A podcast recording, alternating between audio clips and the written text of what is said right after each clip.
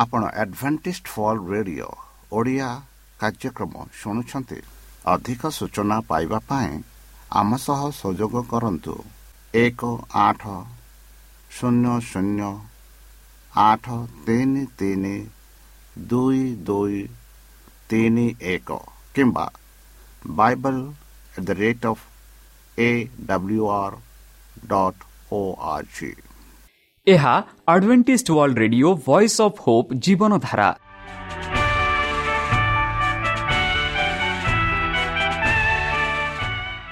Odia radio କାର୍ଯ୍ୟକ୍ରମ ଯାହା ଆମର ଆନ୍ତର୍ଜାତୀୟ ଆଘାତ କେନ୍ଦ୍ରରୁ ପ୍ରସାରଣ କରାଯାଉଛି ପ୍ରତିଦିନ ରାତି ନଅଟା ତିରିଶ ମିନିଟ୍ରେ।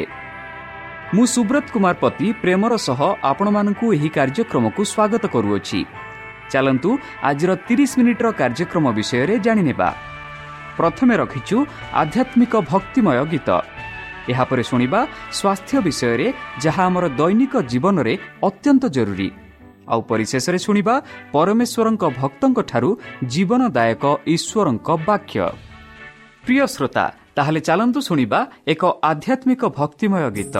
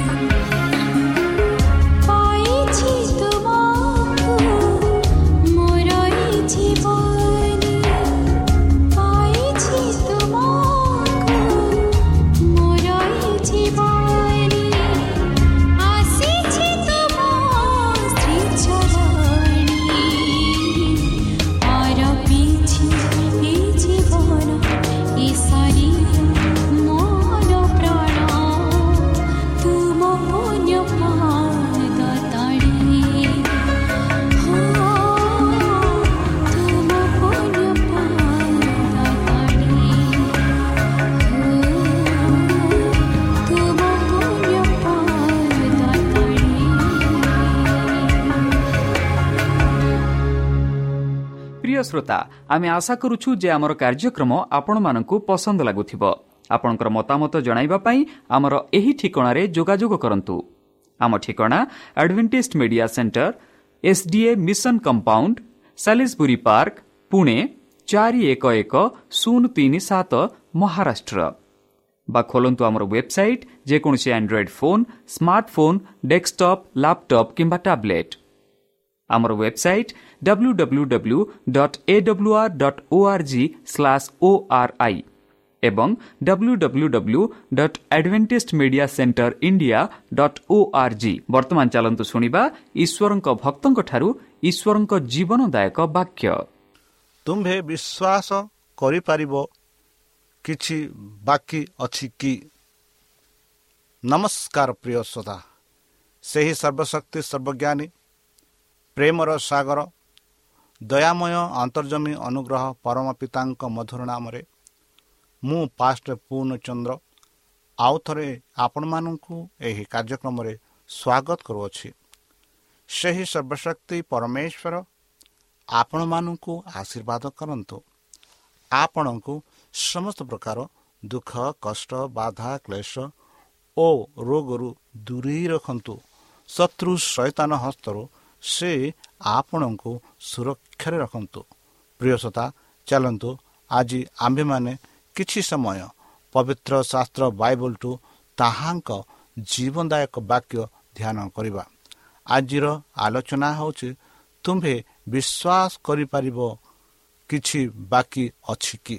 ବନ୍ଧୁ ଆମେ ସମସ୍ତେ ଏହି ପୃଥିବୀରେ ବାସ କରୁଛୁ। ଯେପରିକି ଗତକାଲି ଆମେ ଶୁଣିଲୁ ବାଇବଲ ଆପଣାକୁ କିପରି ପ୍ରମାଣ ଦେଉଅଛି ସେହି ପ୍ରମାଣ ଦ୍ୱାରା ଆମମାନଙ୍କୁ କହୁଅଛି କି ଏମିତି ଗୋଟିଏ ଜିନିଷ ଅଛି ଯାହାଠାରେ ଆମେ ବିଶ୍ୱାସ କରିବା ଯାହାଠାରେ ଆମ ବିଶ୍ୱାସକୁ ସମର୍ପଣ କରି ସେଇ ଯେଉଁ ବିଶ୍ୱାସରେ ଆମେ ଚାଲିପାରିବା।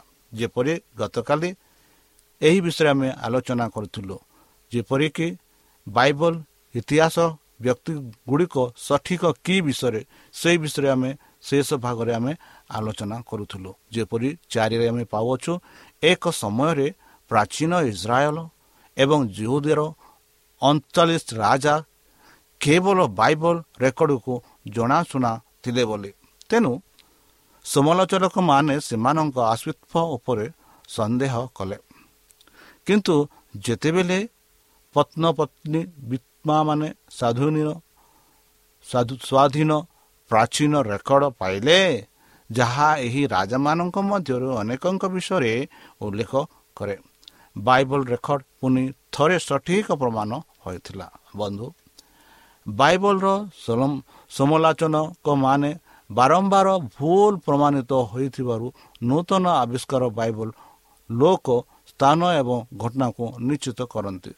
ଯଦି ଆମେ ବାଇବଲ ବିଷୟରେ ଜାଣିବା ବାଇବଲ ସିର ଉଣେଇଶହ ଛୟାଳିଶ ଉଣେଇଶହ ବାବନ ଉଣେଇଶହ ଏକଷଠିର ସଂଶୋଧିତ ମାନକ ସଂସ୍କରଣ America national council of church of Christian ଖ୍ରୀଷ୍ଟଙ୍କ ଖ୍ରୀଷ୍ଟିଆନ ଶିକ୍ଷା ବିଭାଗ ଦ୍ୱାରା ଯୁକ୍ତ ରସ୍ତର ଅନୁମତି ଦ୍ୱାରା ବ୍ୟବହୃତ ହୋଇଅଛି ସାତ ବାଇବଲ ବିଷୟରେ ଆଉ କେଉଁ ତଥ୍ୟ ଏହାର ଈଶ୍ୱରୀୟ ପ୍ରେରଣା ପ୍ରମାଣ କରେ ଯେପରି ଦ୍ୱିତୀୟ ତିମତ ତିନି ଷୋହଳ ଆମେ ଦେଖିଥିଲୁ କି ବାଇବଲ ସମସ୍ତ ଶାସ୍ତ୍ର ଈଶ୍ୱରଙ୍କ ଦ୍ୱାରା ପ୍ରେରଣା ହୋଇଅଛି ବୋଲି। ବାଇବଲ ସବୁଠାରୁ ବଡ଼ ଚମତ୍କାର ହେଉଛି ଏହାର ଏକତା। କେବଳ ଏହି ଆଶ୍ଚର୍ଯ୍ୟଜନକ ତଥ୍ୟ ଗୁଡ଼ିକ ବିଷୟରେ ଚିନ୍ତା କରନ୍ତୁ। ବାଇବଲ ଛଅଷଠି ପୁସ୍ତକରେ ଲେଖାଯାଇଛି। ତାରେ ତିନୋଟି ମହାଦେଶରେ ତିନୋଟି ଭାଷାରେ। ପ୍ରାୟ ଚାଳିଶ ଭିନ୍ନ ବ୍ୟକ୍ତିଙ୍କ ଦ୍ୱାରା ଯେପରିକି ରାଜା ମେଷପାଳକ ବୈଜ୍ଞାନିକ ଓକିଲ ଜଣେ ସେନାପତି ଜଣେ ସେନାପତିର ଜଣେ ଶସ୍ୟଜୀବୀ ପୁରୋହିତ ଏବଂ ଜଣେ ଚିକିତ୍ସକ। ଏହିପରି ଚାଳିଶରୁ ଅଧିକ ଲୋକ ଏଇ ଯେଉଁ ବାଇବଲକୁ ଲେଖିଛନ୍ତି ବୋଲି ଆମେ ପାଉଅଛୁ। ପ୍ରାୟ ଏକ ହଜାର ପାଞ୍ଚଶହ ବର୍ଷ ଅବଧି ମଧ୍ୟରେ। କେତେ ବର୍ଷ ବନ୍ଧ? ବନ୍ଧୁ ପ୍ରାୟ ଏକ ହଜାର ପାଞ୍ଚଶହ ବର୍ଷ ଅବଧି ମଧ୍ୟରେ ଏଇ ଯେଉଁ ପବିତ୍ର ଶାସ୍ତ୍ର ବାଇବଲ ଲେଖାଯାଇଅଛି ବୋଲି। ତାଠୁ ସବୁଠାରୁ ବିବାଦୀୟ ବିଷୟରେ ଉପରେ ସେହି ଲୋକମାନଙ୍କ ଦ୍ୱାରା ଅଧିକାଂଶ କ୍ଷେତ୍ରରେ କେବେ ସାକ୍ଷାତ ହୋଇନଥିଲେ। ଯେଉଁମାନେ ଏହି ପବିତ୍ର ଶାସ୍ତ୍ର ବାଇବଲ ଲେଖିଥିଲେ ସେମାନଙ୍କ ମଧ୍ୟରେ କେବେ ବି ସେମାନେ ସାକ୍ଷାତ ହୋଇନଥିଲେ। ମାତ୍ର ଯେ ସେହି ପବିତ୍ର ଶାସ୍ତ୍ର ବାଇବଲ ଲେଖିଲେ ଆଉ ଯେ ତା ପଛରେ ଲେଖିଥିଲେ ସବୁ ଏକ ବିଷୟରେ ବୁଝାଉଥିଲା। ଲେଖକମାନଙ୍କ ଦ୍ୱାରା ଯାହାର ଶିକ୍ଷା ଏବଂ ପୃଷ୍ଠଭୂମି ବହୁତ ଭିନ୍ନ ଥିଲା ବନ୍ଧୁ ଏଥିଯୋଗୁଁ ତଥାପି ଯଦିଓ ଏହା ସମ୍ପୂର୍ଣ୍ଣ ଅସମ୍ଭବ ମନେ ହୁଏ ଛଅଷଠି ପୁସ୍ତକ ପରସ୍ପର ସହିତ ସମନ୍ୱିତ ରକ୍ଷା କରନ୍ତି ବନ୍ଧୁ। ଏବଂ ଯେତେବେଳେ ଏକ ନିର୍ଦ୍ଦିଷ୍ଟ ବିଷୟ ଉପରେ ନୂତନ ଧାରଣା ପ୍ରକାଶ କରାଯାଏ ସେମାନେ ଅନ୍ୟ ବାଇବଲ ଲେଖକମାନଙ୍କ ବିଷୟ ଉପରେ କ'ଣ କହୁଛନ୍ତି ତାହା କ୍ଷୁର୍ଣ୍ଣ କରନ୍ତି ନାହିଁ। ବନ୍ଧୁ ଏହା ବିଶ୍ୱାସ କରିବା ଅତ୍ୟନ୍ତ ଆଶ୍ଚର୍ଯ୍ୟଜନକ। ସାମନା ଘଟଣା ଦେଖିଥିବା ଲୋକଙ୍କ ପଚାରନ୍ତୁ ଯାହା ଘଟିଲା ତାହାର ଏକ ରିପୋର୍ଟ ଦେବାକୁ ହେବ ଏବଂ ଆପଣ ଆବିଷ୍କାର କରିବେ ଯେ ସେମାନଙ୍କର କାହାଣୀ ଗୁଡ଼ିକ ପ୍ରାୟତଃ ଭିନ୍ନ ଭିନ୍ନ ହେବ ଏବଂ ପରସ୍ପରକୁ କୌଣସି ପ୍ରକାର ବିରୋଧ କରିବ। ତଥାପି ଏକ ହଜାର ପାଞ୍ଚଶହ ବର୍ଷ ମଧ୍ୟରେ ଚାଳିଶ ଲେଖକଙ୍କର ଦ୍ୱାରା ଲେଖାଯାଇଥିବା ବାଇବଲ ପଢ଼ାଯାଏ ଯେପରି ଏହା ଗୋଟିଏ ମନ ଦ୍ୱାରା ଲିଖିତ ହୋଇଛି। ଏହି ପ୍ରକୃତରେ ଏହା ଥିଲା ଈଶ୍ୱରଙ୍କ ପବିତ୍ର ଲୋକମାନେ ପବିତ୍ର ଆତ୍ମାଙ୍କ ଦ୍ୱାରା ପ୍ରଭାବିତ ହୋଇ ହେବା ପରେ ସେମାନେ କଥା ହୋଇଥିଲେ ବୋଲି। ଯେପରି ଯେପରି ଦ୍ୱିତୀୟ ପିତର ଏକ ଏକୋଇଶ ଆମେ ପାଉଛୁ। ପବିତ୍ର ଆତ୍ମା ସମସ୍ତଙ୍କୁ ଚଳାଇଲେ। ସେ ହେଉଛନ୍ତି ପ୍ରକୃତ ବାଇବଲ ଲେଖକ। ବନ୍ଧୁ ଆଠ ଲୋକଙ୍କ ଜୀବନରେ ବାଇବଲ ପ୍ରେରଣାର କେଉଁ ପ୍ରମାଣ ମିଳିଥାଏ? ଯଦି ଆମେ ଦ୍ୱିତୀୟ କରନ୍ତି ପାଞ୍ଚ ସତର ଦେଖିବା ବାଇବଲ ଆମମାନଙ୍କୁ କୁହେ ଏହିପରି ଯଦି କେହି ଖ୍ରୀଷ୍ଟଙ୍କଠାରେ ଅଛନ୍ତି ସେତେବେଳେ ସେ ଏକ ନୂତନ ସୃଷ୍ଟି। ପୁରାତନ ଜିନିଷ ଗୁଡ଼ିକ ବାଇବଲ ଚାଲିଯିବ ଚାଲିଯାଇଛି। ଦେଖ ସମସ୍ତ ବିଷୟ ନୂତନ ହୋଇଅଛି ବୋଲି ଆମେ ଦ୍ୱିତୀୟ କରନ୍ତି ପାଞ୍ଚ ସତରରେ ପାଉଅଛୁ। ବନ୍ଧୁ ଯେଉଁମାନେ ଯୀଶୁଙ୍କୁ ଅନୁସରଣ କରନ୍ତି ଏବଂ ଶାସ୍ତ୍ର ମାନନ୍ତି ସେମାନଙ୍କ ପରିବର୍ତ୍ତନ ଜୀବନ ବାଇବଲର ଈଶ୍ୱରୀୟ ପ୍ରେରଣା ବିଷୟରେ କେତେକ ବିଶ୍ୱାସନୀୟ ପ୍ରମାଣ ପ୍ରଦାନ କରେ। ମଦ୍ୟମାନ ମଦ୍ୟପ ମଦ୍ୟପମାନେ ସାବଧାନ ହୁଅନ୍ତି ନୈତିକ ବ୍ୟକ୍ତି ଶୁଦ୍ଧ ହୁଏ ନିଶା ମୁକ୍ତ ହୋଇଯାଏ ଅପବିତ୍ର ବ୍ୟକ୍ତି ସମ୍ମାନିତ ହୁଏ ଭୟଭୀତି ବ୍ୟକ୍ତି ସାହସୀ ହୁଏ ଏବଂ ନିଷ୍ଠୁର ଲୋକ ଦୟାଲୁ ହୁଏ। ଦେଖନ୍ତୁ ବନ୍ଧୁ ଯେବେ ଆମେ ଏହି ପବିତ୍ର ଶାସ୍ତ୍ର ବାଇବଲ ପଢ଼ୁଛୁ ପଢ଼ିଲେ କିପରି ଆମେ ପରିବର୍ତ୍ତନ ହୋଇଥାଉ? ବନ୍ଧୁ ଯେତେବେଳେ ଆମେ ଆସୁଥିବା ଖ୍ରୀଷ୍ଟଙ୍କ ପୁରାତନ ନିୟମ ଭବିଷ୍ୟତବାଣୀ ଗୁଡ଼ିକୁ ଯୀଶୁଙ୍କ ଜୀବନରେ ନୂତନ ନିୟମ ଘଟଣା ଗୁଡ଼ିକ ସହିତ ତୁଳନା କରିବା ସେତେବେଳେ ବାଇବଲ ପ୍ରେରଣା ପାଇଁ କେଉଁ ପ୍ରମାଣ ଉତ୍ପନ୍ନ ହୁଏ। ଯଦି ଆମେ ଲୁକ ତାହାର ଚବିଶ ସତାଇଶ ପଢ଼ିବା ସେଠିରେ ସେଠି ବାଇବଲ ବାଇବଲରେ କହେ ଏହିପରିକି ମଶା ଏବଂ ସମସ୍ତ ଭବିଷ୍ୟତ ଭକ୍ତାଙ୍କ ଠାରୁ ଆରମ୍ଭ କରି ଯୀଶୁ ନିଜ ବିଷୟରେ ସମସ୍ତ ଶାସ୍ତ୍ରରେ ସେମାନଙ୍କୁ ବର୍ଣ୍ଣନା କରିଥିଲେ ବୋଲି। କାଠୁ ମଶାଙ୍କ ଆଉ ସମସ୍ତ ଭବିଷ୍ୟତ ଭକ୍ତଙ୍କ ଠାରୁ। ଆରମ୍ଭ କରି ଯୀଶୁ ନିଜେ ପୁଣି ବିଷୟରେ ସମସ୍ତ ଶାସ୍ତ୍ରରେ ସେମାନଙ୍କୁ ବର୍ଣ୍ଣନା କରୁଥିଲେ ବୋଲି ଆମେ ଦେଖୁଅଛୁ। ବନ୍ଧୁ ଯେଉଁଦୀମାନଙ୍କ ସର୍ବସାଧାରଣର ତୀବ୍ର ନିଦ୍ରା କଲେ ଶାସ୍ତ୍ରକୁ ଦର୍ଶାଇଲେ ଯେ ଯୀଶୁ ହେଉଛନ୍ତି ଖ୍ରୀଷ୍ଟ। ଖ୍ରୀଷ୍ଟଙ୍କ ପୁରାତନ ନିୟମର ଭବିଷ୍ୟତବାଣୀ ଏତେ ନିର୍ଦ୍ଦିଷ୍ଟ ଥିଲା ଏବଂ ନାଜରିତର ଯୀଶୁଙ୍କ ଦ୍ୱାରା ଏତେ ସ୍ପଷ୍ଟ ଭାବରେ ପୂରଣ ହୋଇଥିଲା ଯେ ଯୀଶୁ ଏବଂ ଆପୋଲୋସ୍ ଏହି ଭବିଷ୍ୟତବାଣୀ ଗୁଡ଼ିକ ବ୍ୟବହାର କରି ପ୍ରମାଣ କରିଥିଲେ ଯେ ଯୀଶୁ ପ୍ରକୃତରେ ଖ୍ରୀଷ୍ଟ ଅଟନ୍ତି। ଏହି ଭବିଷ୍ୟତବାଣୀ ଗୁଡ଼ିକ ମଧ୍ୟରୁ ଏକଶହ ପଚିଶରୁ ଅଧିକ ଅଛି। ଚାଲନ୍ତୁ ସେମାନଙ୍କ ମଧ୍ୟରୁ କେତେକ ବାରଟି ସମୀକ୍ଷା କରିବା। ଭବିଷ୍ୟତବାଣୀ ଯଦି ଆମେ ଦେଖିବା ବେଥଲେମ ଜନ୍ମ ହେବ ବୋଲି ଯାହା ଆମେ ଦେଖୁଛୁ ମିକା ପାଞ୍ଚ ଦୁଇରେ ଆଉ ମାଥ୍ୟୁ ଦୁଇ ଏକରେ ଏଇଟା ପୂରଣ ହୋଇଅଛି ସେହିପରି ଭବିଷ୍ୟତବାଣୀ କରାଯାଇଥିଲା କି ଏକ କୁମାରୀକୁ କୁମାରୀରୁ ଜନ୍ମ ହେବେ ତାହା ଆମେ ଜିସାୟ ସାତ ପନ୍ଦରରେ ଯାହାକି ପୁରାତନ ନିୟମରେ ପୂର୍ବାନୁମାନ କରାଯାଇଥିଲା ତାହା ପୂର୍ଣ୍ଣ ହୋଇଥିଲା ମାଥ୍ୟୁ ଏକ ଅଠର ଟୁ ତେଇଶ ଦାଉଦଙ୍କ ବଂଶ ଯାହା ବାଇବଲରେ ଭବିଷ୍ୟତବାଣୀ କରାଯାଇଥିଲା ଜିରିମିୟ ତେଇଶ ପାଞ୍ଚରେ ଏହା ବିଷୟରେ ପୂର୍ବାନୁମାନ କରାଯାଇଥିଲା ତାହା ପୂର୍ଣ୍ଣ ହୋଇଥିଲା ପ୍ରକାଶିତ ବାକ୍ୟ ତାର ବାଇଶ ଷୋହଳରେ। ହତ୍ୟା ଉଦ୍ୟମର ଲକ୍ଷ୍ୟ ଯାହା ଭବିଷ୍ୟତବାଣୀ କରାଯାଇଥିଲା ଜିରିମିୟ ଏକତିରିଶ ପନ୍ଦରରେ ପୁରାତନ ନିୟମର ପୂର୍ବାନୁମାନ କରାଯାଇଥିଲା। ସେହି ଯେଉଁ ନୂତନ ନିୟମରେ ଏହା ପୂର୍ଣ୍ଣ ହୋଇଥିଲା ଯାହା ଆମେ ମାଥ୍ୟୁ ଦୁଇ ଷୋହଳ ଟୁ ଅଠରରେ ପାଉଅଛୁ। ଜଣେ ବନ୍ଧୁଙ୍କ ଦ୍ୱାରା ବିଶ୍ୱାସଘାତତା ହେବ ବୋଲି ଯାହା ଭବିଷ୍ୟତବାଣୀ କରାଯାଇଥିଲା ତାହା ଆମେ ଗୀତ ସଂହିତା ଏକଚାଳିଶ ନଅରେ ଯାହା ପୁରାତନ ନିୟମ ପୂର୍ବାନୁମାନ କରାଯାଇଥିଲା ତାହା ନୂତନ ନିୟମରେ ପୂର୍ଣ୍ଣ ହୋଇଥିଲା ଯାହା ଆମେ ଦେଖୁଅଛୁ। ଜହନ ତେର ଅଠର ଉଣେଇଶ ଛବିଶରେ। ବନ୍ଧୁ ତିରିଶ ରୂପା ମୁଦ୍ରା ପାଇଁ ବିକ୍ରି ହୋଇଥିଲେ ବୋଲି ବିକ୍ରି ହେବେ ବୋଲି ଭବିଷ୍ୟତବାଣୀ କରାଯାଇଥିଲା।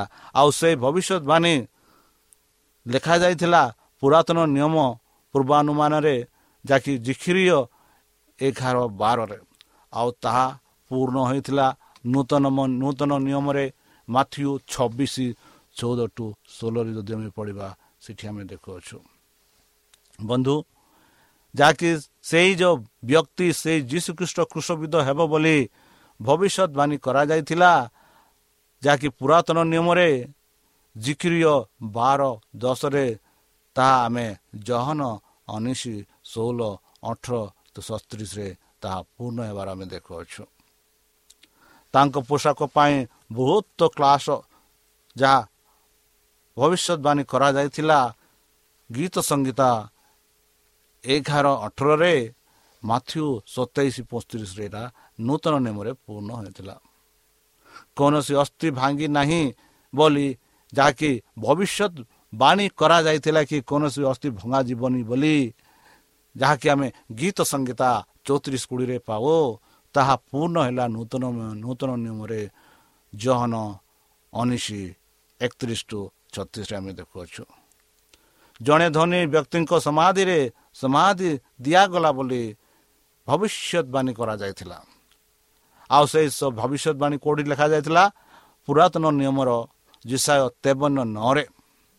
ଆଉ ସେଇ ଯେଉଁ ଭବିଷ୍ୟତବାଣୀ ନୂତନ ନିୟମରେ ପୂର୍ଣ୍ଣ ହେଲା ଯାହାକି ମାଥ୍ୟୁ ସତେଇଶ ସତାବନ ଟୁ ଷାଠିଏ ଆମେ ପାଉଅଛୁ।